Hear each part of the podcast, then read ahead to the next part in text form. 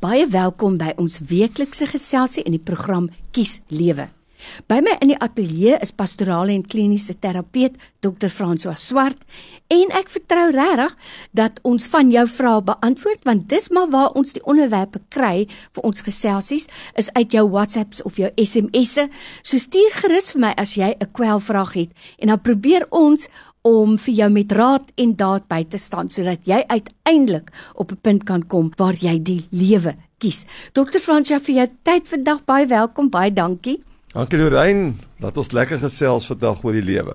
Nou ek dink dis Mark Twain wat gesê het, ek kan vir 3 maande lewe op 'n kompliment alleen. Daar seker min dinge wat 'n mens so goed laat voel as 'n opreg bedoelde kompliment en seker min dinge wat jou so sleg laat voel as kritiek of dit nou geregverdig is of nie. En dit lyk vir my asof 'n mens kritiek veel langer onthou as komplimente. So kom ons begin by die begin. Hoe gee ek 'n kompliment? Want daar's baie mense wat dit nie kan doen nie. Hulle weet nie hoe nie. Ja, is dit nie hartseer nie dat jy nie iets positief van iemand anders mm. net vinnig kan sê nie. Ek sien dit baie in huweliksterapie waar ek 'n man en 'n vrou sien en sê gaan sit in 'n koffiewinkel en sê hierdie week vir jou vrou, wat was vir jou lekker? En dan begin die ouens dink dat die rook uittrek by daai koffiewinkel se vensters en hulle sukkel net eenvoudig. Mm. Ons moet leer om om ligvoets met mekaar om te gaan en baie meer waardering uit te spreek in terme van die klein dingetjies.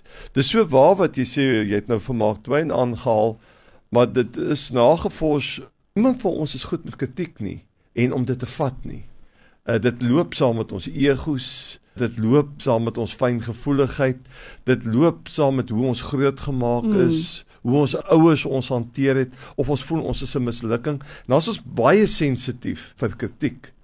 Maar om terug te kom by die komplimente, ek lees 'n artikel nou onlangs die neeweffekte van om goed te doen. Neeweffekte gebruik ons gewoonlik die woord in in 'n negatiewe konteks. Mm -hmm. As ons spulle gebruik, pas op vir die neeweffekte. Mm. Wat my van hierdie artikel geraak het, is die neeweffekte van kindness. Dit was nou 'n Engelse artikel.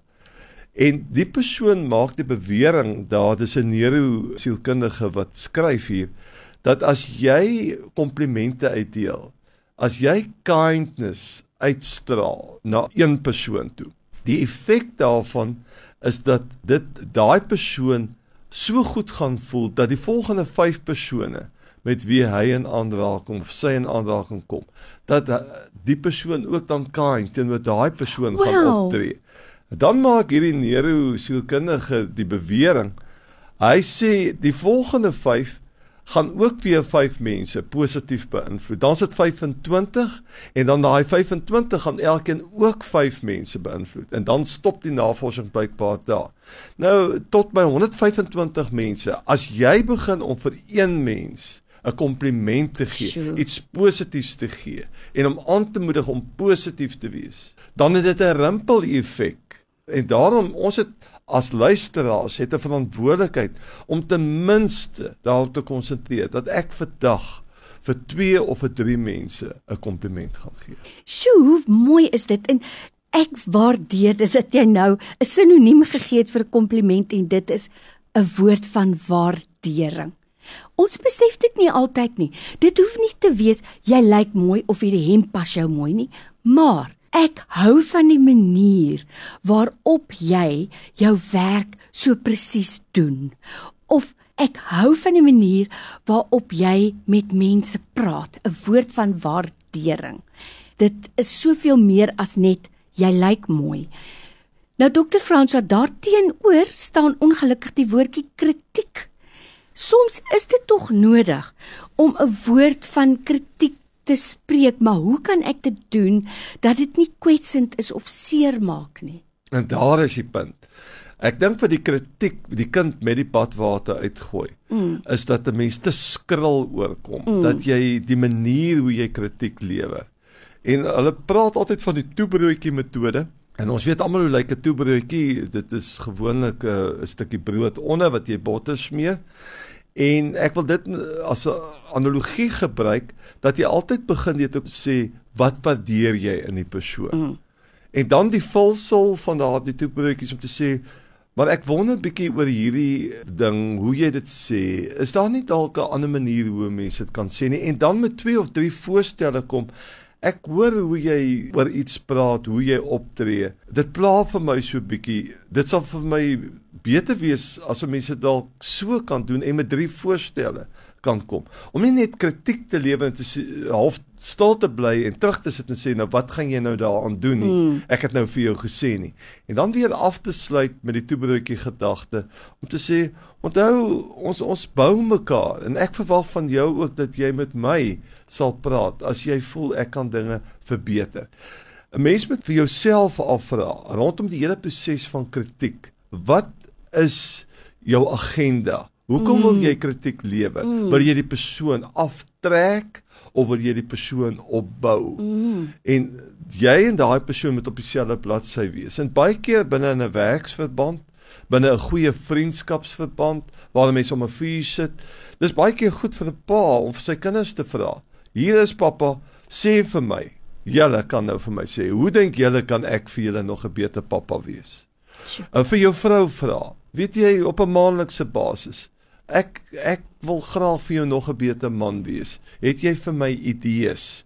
Uh en dat sy kritiek lewer en sê maar hoe dink jy kan ek dit op 'n ander manier doen? Dis om 'n volwasse gesprek daaroor te voer en nie skielik op jou perdjie te klim en dan verraai jy eintlik dat jy sukkel in jou eie selfbeeld. Mm. Dat jy eintlik sê ek verwelkom kritiek want uh, ek lees jou dat jy kritiek lewer dat jy van my 'n beter en 'n meer effektiewe mens wil maak en dis binne daardie atmosfeer wat ek graag met jou in 'n gesprek sal wil tree. Maar as jy dit lelik doen in en 'n persoon seermaak in die proses, dan is kritiek nie kritiek nie, dis eintlik boelie. By my in ateljee vandag Dr. François Swart, hy's pastorale en kliniese terapeut en ons praat oor 'n moeilike saak en dit is komplimente teenoor kritiek. Jy weet dokter Fransoa, iemand het eendag gesê, ek word nie gou kwaad nie, maar die dag as ek kwaad word, dan ontplof ek. En toe sê iemand, het jy gesien fotos gesien hoe lyk Hiroshima die dag nadat die atoombom daar ontplof het?